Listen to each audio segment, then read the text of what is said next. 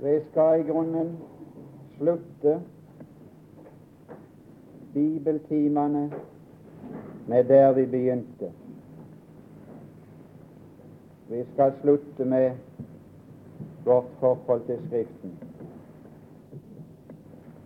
Vi begynte med Lukas 4 og vers 15 og tok den Herre Jesus som eksempel.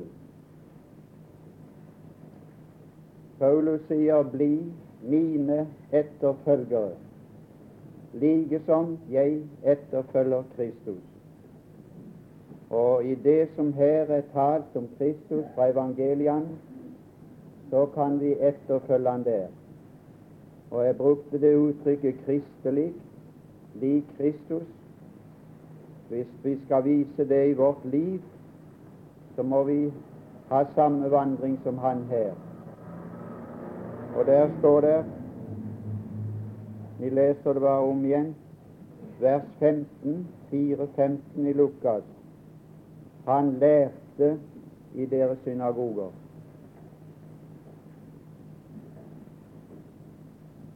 Og hvis vi skal være kristelige, må vi oppfører oss akkurat på samme måten. Det er lære.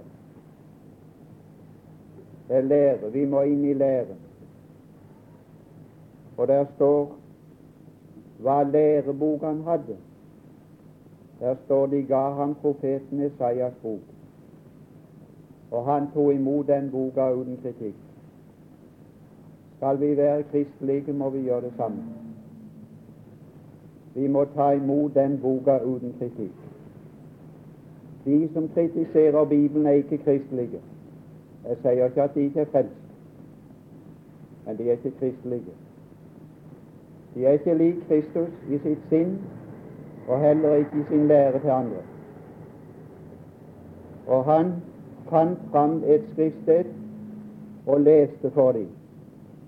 Altså var Skriften det første i hans liv.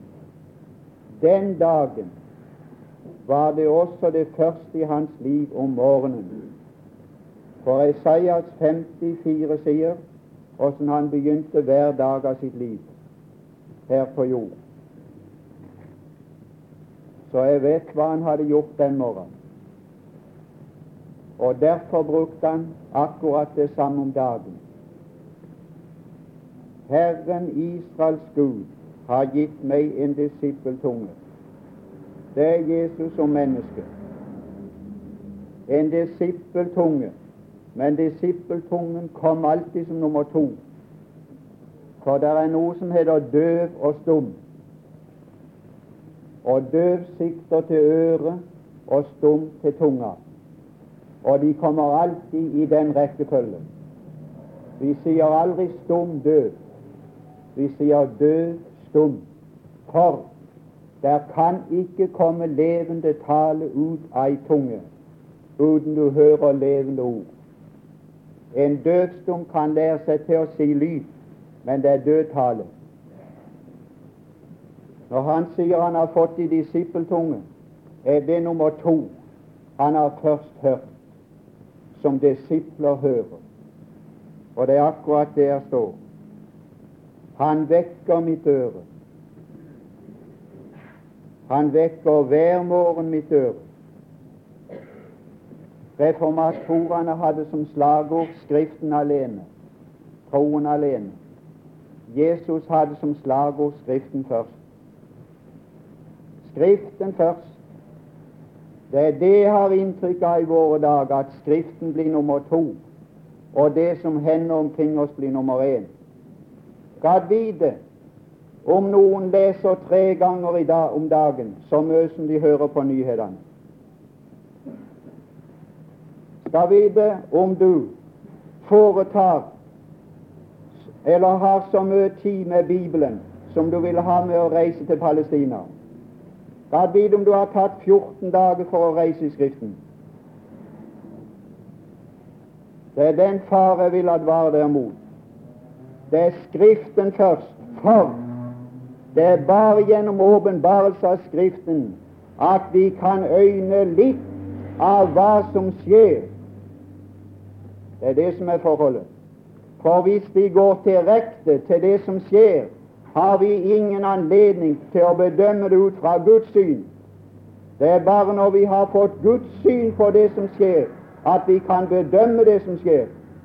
Derfor må Skriften være nummer én til alle tider. Det er der du må ta mest tid. Og ut ifra det kan du så begynne å bedømme lite grann kanskje av det som skjer. Ikke mye.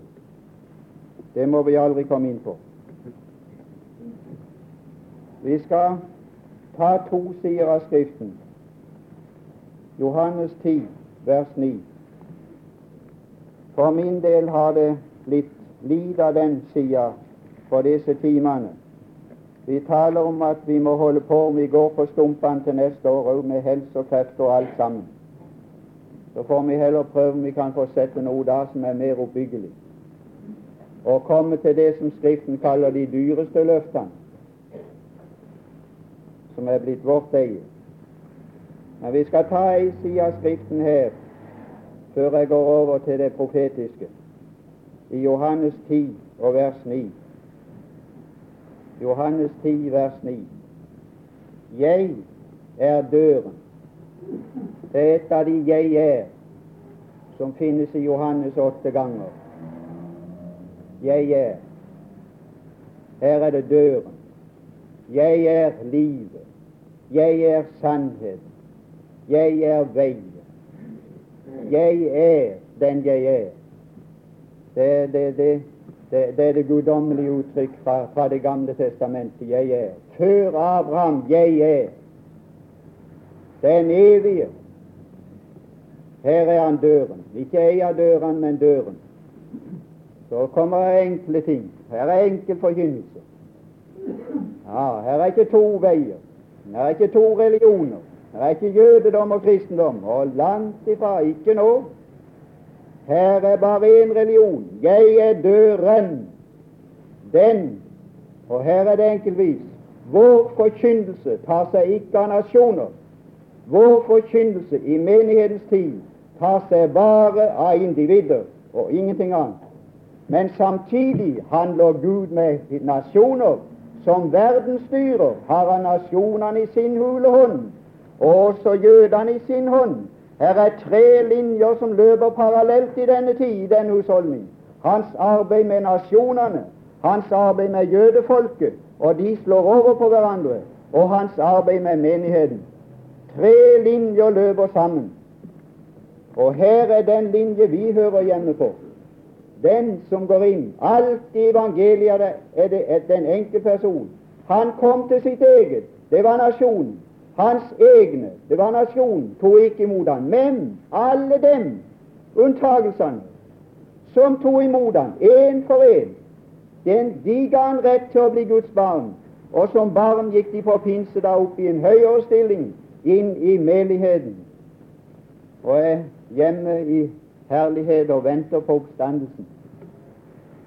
Den som går inn gjennom meg Her er enkel forkynnelse. Her er ikke mulighet for villfarelse. Her er det bare enten-eller.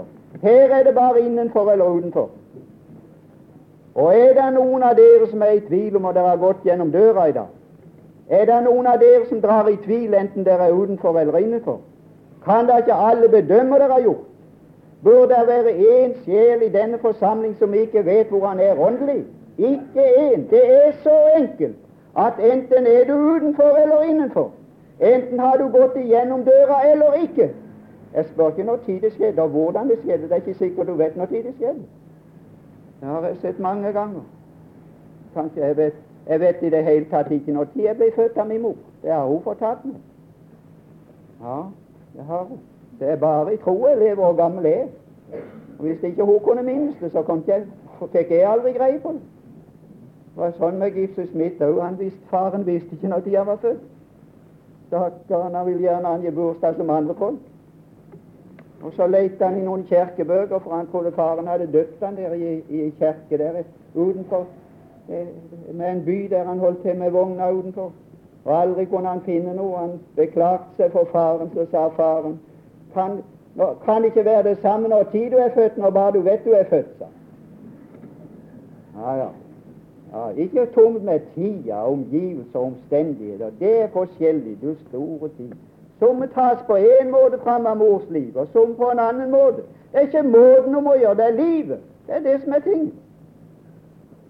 Den som går inn gjennom meg, ja, han blir frelst. Se, det er første som ligger på terskelen. Det er frelsen du går igjen.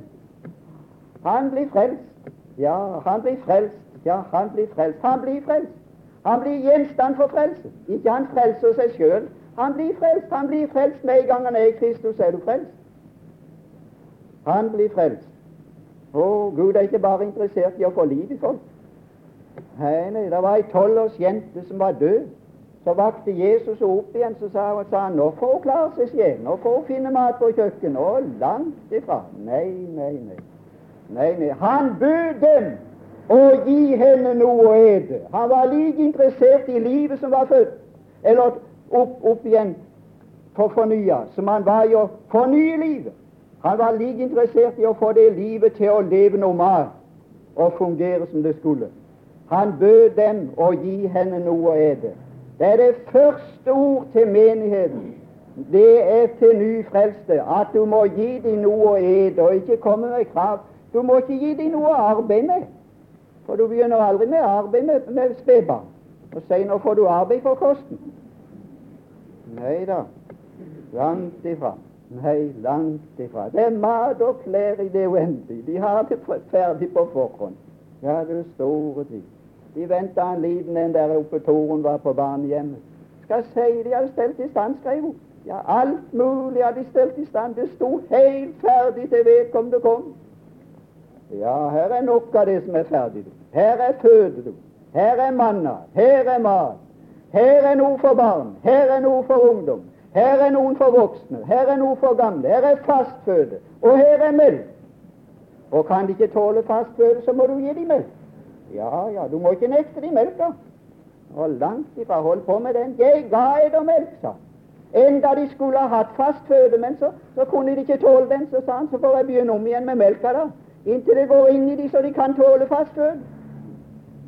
Ja, Du må aldri nekte dem noe. Du må ikke være sånn en hyrde som ikke dekker bord. Du er vel lik overhyrden. Han sier, han står der i Salme 23 at 'Han dekker bord for meg'. Det er det sånn er hyrden. Han dekker bord for meg. Det er sånn en hyrden er. Og hvis vi er underhyrder som ligner han, så dekker vi bord. Midt for fiendens øyne. Rikelig med mat. Ja, ja, så er ikke folk redd for å ete. Men hvis det er lite mat, så er de redd for å ete. Å ja, ja. Det er derfor de drar ut alt mulig på gatene for å få folk til å skjønne at her kan de komme inn og forlange hva de vil for noe. Ja, det var i Amerika de begynte med det. De hadde mest hele forretningen ute på gata. Du var aldri redd for å gå hen i sånn en fruktstår som stod Du kunne ikke komme fram på fortau. Du var aldri redd for å gå hen der og forlange for 25 cent. De hadde jo så haugen på nok til millioner av penger. Ja, du. Her er nå. Han dekker bord. Og her står det med en gang han skal gå inn og gå ut og finne profetier.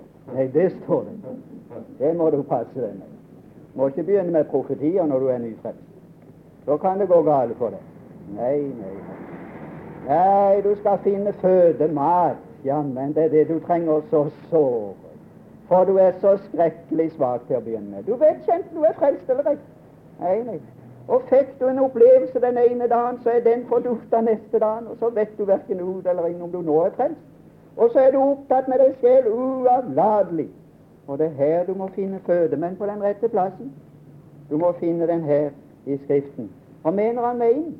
Tror du det er arbeid, eller tror du ut? Tror du det er arbeid, det han mener? Inn, tror du det at det er når du er inne med Gud alene, så er du ferdig der, så går du ut? Og langt ifra. Det er ikke det i den forstand. Det er begge testamenter, det. Det er loven, det. Ja, ja, du kan gå alle veier i Skriften. Det er det som er det vidunderlige. Du kan gå inn. Du kan gå inn i loven uten å være under loven. Så kan du finne den herligste føde. Du store tid. Jeg vil anbefale Macintosh de fem Mosebøker. Jeg har ikke lest, lest eller kommet i berøring med noen bøker som det er som med mat. Det er bare mat. Fra ende til annen. Bare mat. Jeg har ikke lest, jeg får ikke tid. Men kona leser de nå. mat. Det er som med mat at det er uendelig av mat. Han går inn og finner føde. Ikke lovisk, evangelisk ånd kan du finne føde alle veier. Oh, nei, du, du. Så kan du gå ut. Så går du ut i Det nye testamentet, så finner du føde der òg. Ja, ja. Alle veier. Det er føde alle veier. Luther sier han har, aldri, han har vært han har vært der med hver eneste grein i Bibelen, sier han Rista. Han har aldri sett annet enn det detter ned en frukt av han er hjemme. Ja, det blir frukt av Guds ord alle veier. Det er levende. Det er kraftig. Det er nærer. Det er vitaminer. Åndelig kvalitet i det. Ut og inn og finne føde. Nå må du ikke glemme det. Og så må du aldri lese Bibelen sånn at, at du skal leve etter han. Du skal leve av maten, ikke etter maten. Tenk om vi setter oss til bords der oppe og skal spise noe, så sukker vi oss selv nå er det bare jeg kunne leve etter dette måltidet. Hei, Hei da. Du tar det inn, og så, og så får du krefter. Det er det som er. Du må ikke være opptatt med krav. Du må være opptatt med det som gir. Og så, når det gis deg noe, så kommer kreftene, og så har du lyst til å bruke kreftene. Så får du lyst til å gjøre noe igjen. Ja, du skal gå ut og inn og finne føden. Men det er ei annen side av Skriften òg. Jeg skal komme tilbake til den føden seinere. Det er ei annen side av Skriften også, som vi har vært inne på. Og den er vanskelig. Det beviser selve Bibelen. Skal vi lese det? Første Peter 1.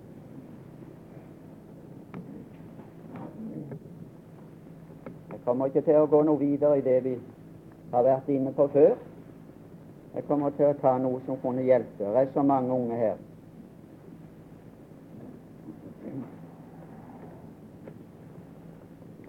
Første Peter 1 og vers 10. Vi har lest det før, vi kan lese det om igjen. Her kommer vi inn på sannheter som ikke er så enkle, som er vanskelige. Selv for en profet var de vanskelige. Tror du ikke det er vanskelig for oss også, da? Arnold sa i gang at det var tre slags Guds ord. Jeg vet ikke om han sa det jo sånn. Det var de som var klare å forstå, og de som var vanskelige, og de som var umulige. Jeg har funnet nå fra Skriften at det, det kan belegges med Skriften, helt og fullt. Forseil boken til endens tid. Forseil boken til endens tid. Den kan ikke forstås nå ble det sagt til Daniel på seilboken. I hebreerbrevet, eller i, i andre brev til Peter, av Peters, står det at Paulus skriver noe som er vanskelig. Der har du det vanskelig. Og så sier Paulus sjøl Ånden sier med tydelig ord. Der har du de tre fasene av Guds ord. Tydelig ord, vanskelig ord, besegla ord. 666 et besegla ord som ikke kan forstås i sin fylde før det tida kommer. Her er noe som er vanskelig. Første Peter 1,10. Om denne frelse var det profetene gransket og ransaket. Hadde jeg nå hatt tid, for dette visste jeg ikke jeg skulle ha i dag, så ville jeg undersøkt hva det ligger i de to uttrykkene. Men det er ikke noe lite. Det er ikke å lese de over og være ferdig med det. Nei, det kan du lide for. Det er brukt både gransk og ransak. Og hvis vi hadde nok kunnet ført det tilbake og det stammet ifra, så hadde vi fått et klarere bilde. Kjelle skaffet meg ei bok om det der, som fører det enkelte ord tilbake. Jeg har ikke fått sett hva det ligger i det her. Ja, granske, det er en kommisjon, det. Ei togulykke sender de eksperter helt fra Oslo som tar seg på å granske. Ja, ja. Geologer som kommer til Lista og skal undersøke gravhauger. De graver med ei spiseskje og flytter jord spiseskje for spiseskje for ikke å ødelegge noe av innholdet. Du kan tale om gransking. Du kan tale om tid. Du kan tale om anstrengelse. Så store tid. Granske. Ransake. Ja, de som spådde, de fikk det. Spå i denne betyr, betyr profeti som forutsier. Profeti i første Korintiabrev betyr ikke forutsigelse. Det betyr å tale til formaning, oppbyggelse og trøst i menigheten. Men her er profeti i form av spå. De spådde om den nåde som vi skulle få. All profeti peker framover. I det de ransaker Nå kommer det ordet igjen. Har du sett sånn? Her var interesse. Ja, her var interesse. Åssen interesse har vi? Kan Gud bruke det om oss? Kan Gud bruke det om meg? Mm? Kan Han si at det er så interessert? Til og med englene står på, på teene, så å si, for å få se inn i det. De kan ikke makte det. Og så er vi midt i det, og så sover vi. Hvilken eller hva slags tid Når det gjelder profeti, kan du ta det om igjen, har alltid med både tida og innholdet av tida. Begge deler. Tidspunktet og innholdet av tidspunktet. Tidspunktet hevnens dag. Dag er tidspunkt, innholdet hevn. Nådens år. Tidspunktet er år, innholdet er nåde. Har du begge deler tidene og stundene, tidene, perioden, stundene, enkelte perioder innen igjen. En dag har morgenstund, har middagsstund, har kveldsstund, men det er, samme, det er i dagen. Men morgenstunden har en annen, karakter enn middag, og en annen karakter enn kveld. Og sånn tales det om dagen som holder på å helle, og natta som begynner å komme. Forandring selv om det er samme tidsperiode, så inntrer det forandringer. Frafallet må komme. Det kommer. Det kommer, det begynner å komme. Det begynner å komme. Ja, Det er en, det en kveldsstund. Det er noe som, som forandrer seg. Det var ikke slik. For 50 år siden var det ingen lærer som annet enn som i folkeskolen trodde som spiggeren på Guds ord. Det var ikke én som dro Skriften i tvil i dag. Skal du se skal du se. Ja, og kom just det nå. Spurte om jeg leste dag. Jeg vil ikke si noe mer om det. Dra i tvil sjelens udødelighet. Ja, en høyt, høyt stilla person.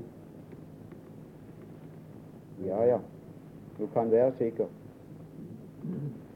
De ransaket hvilken. Det er perioden. Hva slags? Det er innholdet. Det er karakteren hva slags tid Kristi ånd som var i den, viste frem til. Og den Kristi ånd gjorde deres budskap ufeilbarlig, og ga de å skrive ord som de ikke selv forsto. Når de hadde skrevet det ned, satt de etterpå og leste det over, og forsto ikke og det hørte hjemme henne. Når han viste frem til, når han forut vitnet om Kristi lidelser, det er det du kan lese om i de fem Mosebøker og i gammeltestamentlige ofringer. Der kan du lese om Kristi lidelser. Det er ikke ett offer uten det peker hen på Kristus. Det er ikke ei side uten det peker hen på Kristus. Så der kan du gå ut og inn og finne føde. Når han forutvitnet om Kristi lidelser og om herligheten deretter Peter har bare de to sider. Han har ikke bortrykkelsen av bruden. Han har Kristi lidelser og herligheten deretter. Gjenkomsten i herlighet. Det er Paulus som har fått den mellomliggende sannhet som taler om menighetens bortrykkelse. For det ble dem åpenbart. Det er måten som Skriften er kommet til oss på. Den er åpenbart av Gud først som idé og tanke i personen, og så er den ved inspirasjon lagt inn i akkurat de bestemte ord som dekker innholdet. Og så er Den hellige ånd i oss som opplyser for å ta av det Han har åpenbart og inspirert, og legge det over i våre hjerter. Han er den som la ordet om forligelsen ned i våre hjerter. Jeg skal si ja amen til det. Jeg har ikke fått noe av meg selv. Jeg har fått det fra en annen kant. Jeg var så totalt blind som noe menneske kunne være Jeg var fortapt og så ingen vei. Hvis det er en sannhet som er sann i mitt liv, så er det det at det var umulig å se. Det var umulig å tro.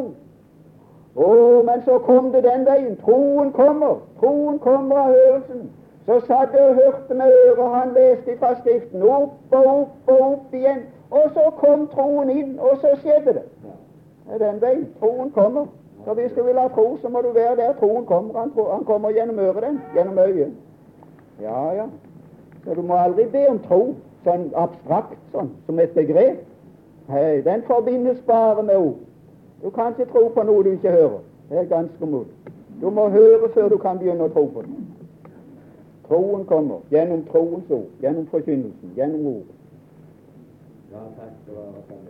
Ja.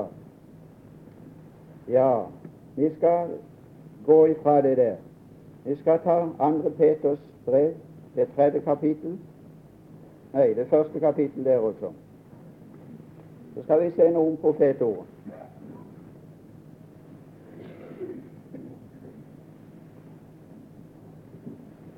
Og her står det hva herligheten er. Og her står det hva skulle fortsette i menigheten når apostlene var vekke. Så skulle ordet fortsette. Det skulle ikke komme etterfølgere av apostlene, nye apostler. For uh, avslutningen av Bibelen og sannheten den skjedde ved apostlene. Så etterpå skulle de bare ha det de skrev, ikke nye åpenbarelser. Da var Gud ferdig. Fullførte Guds ord, sier Paulus. Han fullførte Guds ord. Så sier han i vers 15.: Men jeg vil òg gjøre meg flid, for at de til enhver tid etter min bortgang skal kunne minnes dette. Hvordan? Ved Hans skrifter. For ikke var det kløktig uttenkte eventyr vi fulgte, da vi kunngjorde eder vår Herre Jesu Kristi makt og gjenkomst. Makt pluss gjenkomst. Hvilken er det? Når han kommer med sin maktsengel. Peter hadde ikke lys over det andre. Han fikk ikke den sannheten. Han knytter sannheten med Det gamle testamentet. Han. Hans makt og gjenkomst. Men vi hadde vært øyenvitner til hans storhet. Hvor henne da? For han fikk ære og herlighet av Gud Fader idet en sådan røst kom til ham fra den opphøyde herlighet. Dette er min sønn, den elskede, i hvem jeg har velbehag. Og denne røst hørte vi komme til ham fra himmelen da vi var sammen med ham på det hellige berg. Og Det er det Jesus sa, at noen av dere som står her, skal ikke smake døden før dere ser menneskesønnen komme i sitt rike. Seks dager deretter tok han med seg Peter, Jakob og Johannes og gikk opp på et høyt berg.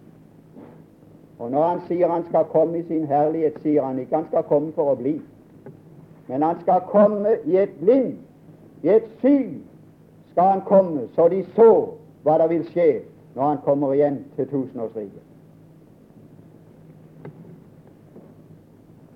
Da åpenbart han med to ifra himmelen. Den ene hadde gått gjennom døden, den andre ikke. Å, du, den Bibelen, den Bibelen. Kom i herlighet og talte med ham. På fjellet var det disipler og nede ved foten var massen. Besatt av en vond ånd som ble drevet ut da han kom ned. Du store tid med den Bibelen. Bildet av riket når han kommer med de to skarer, en gått gjennom døden, en annen ikke. Frelser jødefolket, driver ut den vonde ånd av verden, helbreder den gutten som ingen kunne hjelpe, og skaper noe nytt, gjenfødelse av hele jorden. Det er det som Paul Peter vitner om her. Men så sier han i vers 19 dette var vi øyenvitner til. Kan hende vil noen dra det i tvil, sier han. Dess fastere Hør nå godt etter når jeg sier noe. Det taler om fasthet, men vers 4 i samme kapittel taler om det dyreste. Ja, ja. Pass deg sjel Og ikke beveg deg bare på det som er fastere, og glemme det som er det dyreste, og det er løftene til menigheten. Her er folk i dag som er opptatt bare med profeti, og setter de troende ut av stand til å utøve sin gjerning som Kristi legemes lemmer i denne verden, som bare går ut på å frelse de som er fortapt. Det er ikke det dyreste ord, det er det fasteste ord, for du kan kontrollere det med øyet. Men det er ikke det dyreste, for det dyreste kan du bare kontrollere med troen. Salige de som kontrollerer med troen. Salige de som tror, om de ikke ser. Denne forferdelige påstand om at profetien skal gi oss tro, er et uttrykk for at vi er på avveie. Vi er kommet ut av det som er dyrebareste, som bare kan tilegnes ved tro og ingenting annet. Er i oppreist med Kristus, det er ved tro. Da søk det som er der oppe. Vis meg i Skriften at den formaning er opphørt å eksistere i dag. Vis meg i Skriften at Paulus sørger over jødefolk er opphørt. Så skal det opphøre i mitt liv. Men aldri så lenge hans lære gjelder for menigheten, skal det bli noe annet i mitt liv enn sorg over alle ufrelste, og ingenting annet. Og aldri skal det bli noe annet arbeid enn å søke å frelse noen med liv og midler. Det er Skriftens klare lære. Fastere på grunn av den ting at du kan kontrollere det. Burde ikke være slik. Vi burde ikke kontrollere det. Det er ikke noe til ære for meg hvis båndene forlanger beviser. Det er, ingen, det er ingen ære for meg. Det betyr bare at det er ustadig. Hvis det var en fast karakter som aldri har sagt et ord i mitt liv uten å holde det, så vil de hver gang jeg sier noe, si det nok. Men fordi jeg mange ganger har tatt tilbake det jeg har sagt, så kjenner de meg, og så tar de meg ikke så alvorlig. Men her er en som alltid har sagt, og alltid oppfylt det han har sagt. Så her tar vi aldri ha beviser. Salig er den som tror om han ikke ser. Det er menighetens stilling. Vi har ikke det synlige for øyet, det usynlige, det evige som bare kan inntas i tro med en åpen bibel på dine kne, helt forlein for Gud, bare banke på og 'Jeg forstår ingenting'. Kan du lukke meg inn, Gud, så går jeg inn. Kongen har ført meg inn i sine kamre. Jeg tør aldri tenke på å gå der sjøl, men han har ført meg inn i sine kamre. Så tør jeg gå inn. Så står det videre her det profetiske ord som vi gjør vel i å akte på. Det gjør vi. Men du må vite vel hva du akter mest på, og det er det dyreste. Et lys som skinner på et mørkt sted. Jeg skal si verden er mørk. Jeg skal si Dere skal ikke få mye greie på av det dere ser i radio og televisjon. Det er bare mørke, det. Det er ingen orden å finne der. Det er ingen forklaring å finne der. Det finner du bare gjennom profetien. Der og der alene kan du finne forklaring på det som skjer, og ingen andre plasser. Og vi skal ta om Abraham som visste mer om byen enn Lot som bodde i byen. Det er forholdet. Inntil dagen lyser frem, så behøver vi ikke noe mer lys. Det er Bibelens gjerningsslutt og profetiens slutt. Så ser vi ansikt til ansikt. Og så kommer det et veldig viktig vers. I det jeg først og fremst vet dette, at intet profetord i Skriften det var profetord utenom Skriften som ikke ble skrevet ned. Men de som ble skrevet ned, de ble skrevet ned for oss. Intet profetord i Skriften er gitt til egen tydning. Du kan ikke rive det ut av sammenhengen. Det er et lite ledd i en stor kjede. Folk river det ut av sammenhengen i vår dag. De river ut Lukas 21-24 av sammenhengen. De sier når Jerusalem er fridd, er hedningenes tid slutt. Langt ifra. Skriften sier det er bare en liten del av en sammenheng. Når Kristus kommer ned som stenen og kruser, da er hedningenes tid slutt. Ikke før. Å, det er et virvar av en annen verden i dag av sønner skriftsneder i, profetien. Ikke egen tydning, bare sammen med, med andre ord som gir den fulle tydning. Det er like så, er like så vanvittig som jeg vil ta et blad her og rive det ut av, av Bibelen og så lese det alene. Like så vanvittig er det å ta en, en, et eneste vers og rive det ut av den profetiske sammenheng og forklare det verset ganske alene, ut ifra en historisk begivenhet. Det er, her, det er derfor jeg vil advare dere imot å befatte dere med for mye med, med profeti. For det må du ha tid til. Å, du store tid. Der må tid, der må tid, der må tid det uendelige. For det ligger ikke på ånden. Aldri er noe profetord, enten skreven eller talt, fremkommet ved et menneskes vilje, men de hellige Guds menn talte drevne av Den hellige ånd. Det er garanti for Skriftens ekthet. Salme 25. Jeg må slutte litt her. Jeg må ta litt til dere unge her. Salme 25.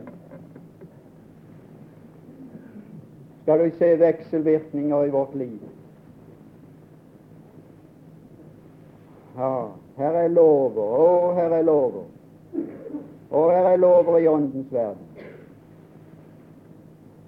Her står det i Salme 25 og vers 12 Hvem er den mann som frykter Herren? Hva er det å frykte? Det er å ta hensyn. Her har du nummer én. Nummer én er Herren. Nummer én er at han taler. Nummer to det er med. Og nummer to er det at jeg tar hensyn til det. Så kommer vekselvirkningene i ett sett. Herren taler, jeg hører. Herren taler igjen, jeg hører. Herren taler, åpenbarer sine hemmeligheter. Han kan ikke annet til den som hører, som han har samfunnet. Ham lærer han Se her, nå kommer det. Ham lærer han den vei han skal velge. Bare der, bare der, ingen andre plasser. Bare der i samfunn lærer han den vei han skal vandre. Hans sjel skal stadig ha det godt. Ja, det, venn. Stadig ha det godt. Ja. Vers 14. Herren har fortrolig samfunn med dem som frykter ham. Å! Oi sann. Der var et voldsomt tillegg. Nei, nå skal du høre. Hør nå. Å! Hans pakt skal bli dem kunngjort. Herren har fortrolig samfunn. Herren taler. Sjelen svarer. Herren taler igjen og sier 'Jeg har noe på hjertet. Jeg må få sagt det til deg. Du er min venn.' Så var det Abraham, kapittel 18 av Første Mosebok. Ja, bare det eksempelet. Vi skulle ha hatt om Daniel òg. Vi får ikke tid. Ja, midt på dagen er det ikke nyheter da? Jo, her er det midt på dagen. Du får vel nyheter? Ja, det er midt på dagen. Midt i solsteigen. Ja, ja. Han lå ikke og dro seg i gresset. Nei, han satt i teltet. Der ser 1. Og Herren åpenbarte seg for ham i Mamres terbintelund mens han satt i døren til sitt telt. Ja, kjære det. Det var ringomgivelser. Å, men han var interessert i å komme der. Mens han satt i døren til sitt telt midt på hedeste dagen. Ja, får du besøk? Hm? Stiller du deg åpen for besøk? Lot satt godt og trygt i porten, han. Han fikk bare besøk av engler. Herren sa jeg liker ikke å være sammen med ham. Han er min, men jeg liker ikke å være sammen med ham. Jeg kan ikke få sagt han noe.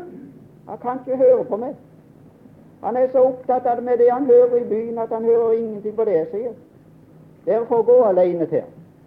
Du vil ikke være med? Nei, jeg vil ikke. Jeg vil være her hos Abraham heller. Jeg liker meg godt hos Abraham. Ja, Jesus hadde jo en plass han likte seg godt, i Betania. Ja, Der likte han seg godt. Ja, ja du som han likte seg der. Hvorfor det? Det var ei som sa ja, jeg blir av med noe, det. Ja. Når du er sammen med store folk, må du aldri snakke mye. Nei, nei. Martha var snakkesalig, så hun så ikke noe i profeten. Men Maria så noe i profeten. Nå må jeg nytte sjansen. Nå er han her. Du store tid, nå får jeg han ganske alene. Nå kan han preke. Ja, så åpenbart han. Så sa Maria, jeg tenker jeg sitter her til han kommer. Skal ikke du gå til graven? Nei, hva skal jeg der gjøre? Til graven? Dere kan gå til graven. Jeg vil ikke være med, av Salva. Nå langt ifra. Han kommer snart igjen. Han har sagt det. Han kommer. Han kommer igjen. Ja, ja, han kommer. Så kom han ut. Behøvde aldri å gå der. Hvorfor søker de den levende blant de døde, sa hun. venta til han kom levende. Han hadde fortalt det. Lammet som skulle ofres og dø. To fuglene, den som skulle komme flyvende igjen, med merker av blod på sine vinger. Han har fortalt det for meg. Jeg vet hva som skal skje. Jeg har til og med gjort han ferdig til døden, for jeg har salvet han. Så nå har jeg sagt til han at nå, Jesus, nå går du rett fram, og vi går verken til høyre eller venstre, for jeg har salvet deg til døden. Du kan tro det var støtt i en mørk tid. Å finne en sjel som forsto han. Du, du.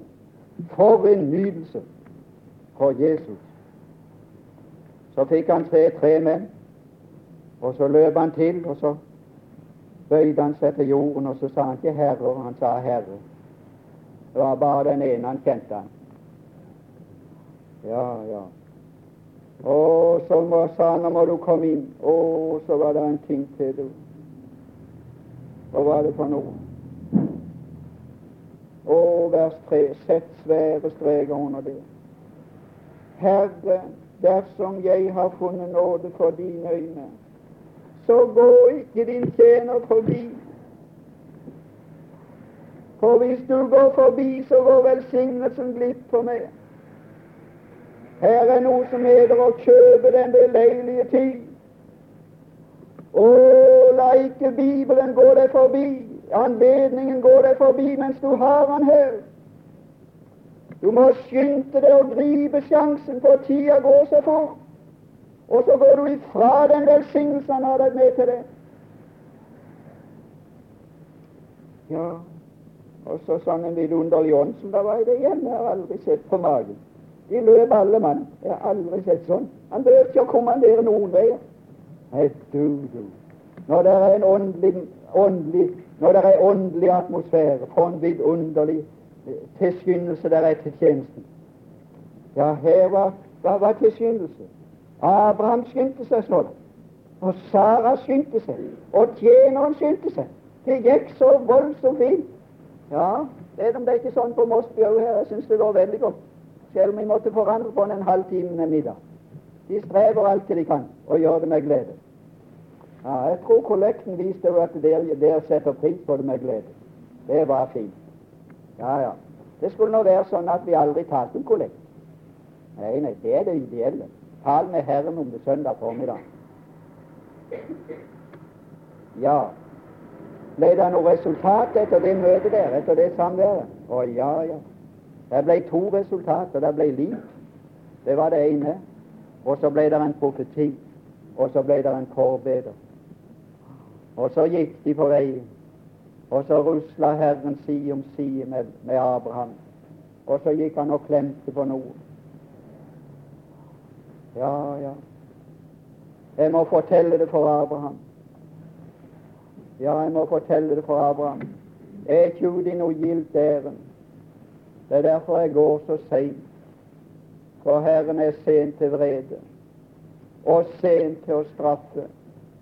Men faren til den forlorne sønn, han skyndte seg når det gjaldt nåde.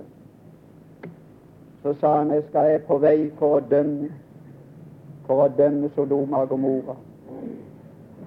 Og den, det øyeblikket, hør nå etter, visste Abraham mer om Sodoma enn Lot som leste nyhetene hver dag. Ja. Og her, venner, er vårt ansvar at vi stiller oss så til Herren og Herrens ord at Han har et fortrolig samfunn med oss og lukker oss inn i sine, i, i, i sine tanker og hensikter, så vi kan stille oss rett. Og den rette stilling i det øyeblikk, det var bare forbønn. Det var ingenting annet. Det var ingen by som kunne reddes i den forstand. Det kunne bare reddes noen. Det er ingen Norge som kan reddes som Norge. Det er ingen norsk folk som kan reddes som norsk folk. Jeg har aldri funnet i Skriften at hvis det blir vekkelse, så skal Norge spares. Det så jeg tittelen på et hefte. Her har jeg aldri lest. Nei, venn. Ingen av folkene som folk står til å redde. Det ser vi alle sammen. Men det er enda noen enkelte som kan reddes. Og den ble redda på grunn av Abrahams bønn. Og Peter sier i samme brev som vi leste, vær sindig og edru så jeg kan be. Ja, ja. Vær sindig og edru så jeg kan be, så dere arbeider sammen og i kontakt med Gud, og ikke arbeider på noe som han ikke holder på med. Må Gud signe dere alle. Må Gud signe dere unge. Og jeg hadde sånn lyst til å si at du må leve godt med Gud.